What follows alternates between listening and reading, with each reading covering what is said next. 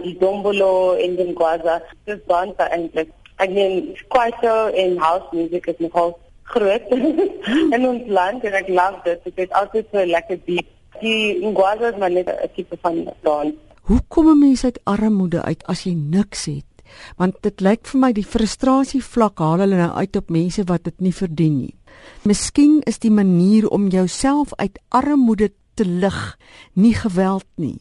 Hoe sien jy dit? Die kwessie in Suid-Afrika is baie baie kompleks en dit is 'n moeilike een want ek wil nie vir almal net sê okay, jy's arm maar jy kyk get out of it and you know sort yourself out. En ek dink dat diep in hulle hart, ek dink almal weet dat geweld dit gaan niks vir die mense wat dit doen vir hulle kry nie, maar ek dink die belangrikste ding is dat mense net bietjie simpatiek met ander mense. Dit is eintlik die belangrikste ding. Ek dink die rede hoekom mense vir vreemdelinge aanval is dat hulle verstaan nie hulle stories nie. Hulle verstaan nie dat hulle sukkel oor. Baie mense dink o, okay, jy's 'n vreemdeling, dit lyk net of jy doen nog goed vir jouself. So jy is dan seker die die guilty in verstaan, maar sodra mense hulle mekaar se stories begin verstaan, dan dink ek sal dit dinge bietjie makliker maak. So al gaan dit nou nie 'n groot verskil aan hulle armoede maak nie. Ek dink hulle sal besef dat hulle die verkeerde mense aanval. Levena, maar ek hou so van jou storie wat jy sê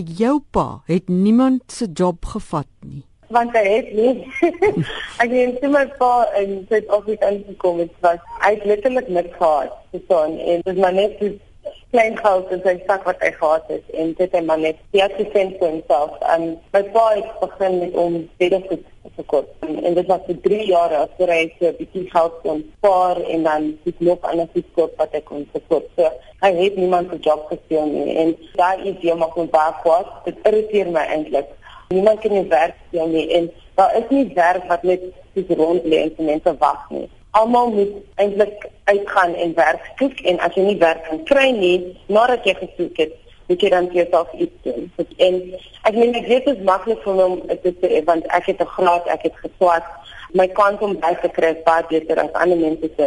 Ek weet ek praat van 'n baie bevoorregte posisie, maar die punt is ek het iemand gesien wat niks education gehad het nie en hy het iets van probeer gemaak van so dit sê vir my dat dit moontlik dit is nie 'n issue van iemand se my job of iemand het nie my job gesteel nie. Almal kan iets vir hulle self maak. Jy praat baie goed Afrikaans. Weet jy dit op skool geleer ja ek het Afrikaans op skool geleer maar ek is seker ons almal weet dat net omdat 'n vak gevat het in skool beteken nie jy verstaan alles nie.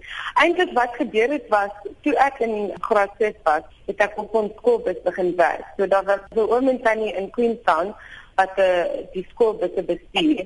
Die meeste van ons wat na Balmoral en Hanklip en Queen's College skool toe gaan het, het min of meer in dieselfde areas gebly en so daar was twee busse wat nou vir ons almal skool toe gevat het en ek het dan op hierdie bus begin werk. Maar die oom en tannie wat dit bestuur het, Hulle Engels was nie heeltemal so goed nie en my Afrikaans was ook nie heeltemal so goed nie. So dit was vir ons 'n goeie deel.